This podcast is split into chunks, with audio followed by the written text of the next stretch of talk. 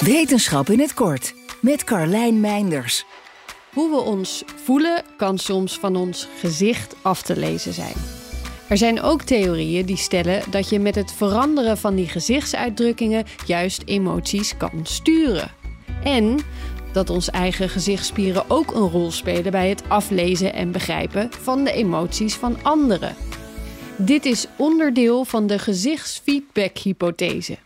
Als we een boze of blije uitdrukking op het gezicht van iemand anders zien, zouden we onbewust de spieren in ons gezicht gebruiken om die uitdrukking te kopiëren.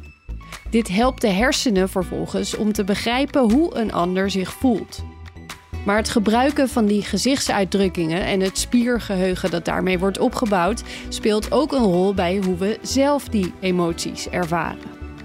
Onderzoekers van de Universiteit van Californië wilden kijken of het gebruik van botox in ons gezicht dit proces wellicht beïnvloedt. Ze voerden een kleine studie uit onder 10 vrouwen tussen de 33 en de 40. Deze vrouwen kregen allemaal botox-injecties rondom het frontje tussen hun wenkbrauwen.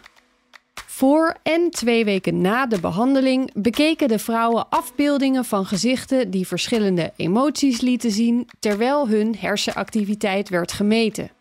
Zo zagen de onderzoekers dat in het hersengebied dat verantwoordelijk is voor het verwerken van emoties veranderingen op waren getreden na de behandeling met botox.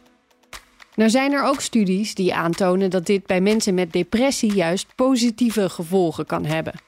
We weten alleen nog niet hoe dat precies werkt. Dat er een link is tussen het wel of niet kunnen gebruiken van je gezichtsspieren en de verwerking van emoties is wel duidelijk. Maar er is nog veel meer onderzoek nodig met grotere groepen proefpersonen voor we precies weten hoe het in elkaar zit. Een vraag die in het verlengde daarvan ook interessant is: als onze kinderen opgroeien met ons gezicht als voorbeeld, wat heeft botoxgebruik onder ouders dan voor invloed op hoe goed zij leren emoties te herkennen?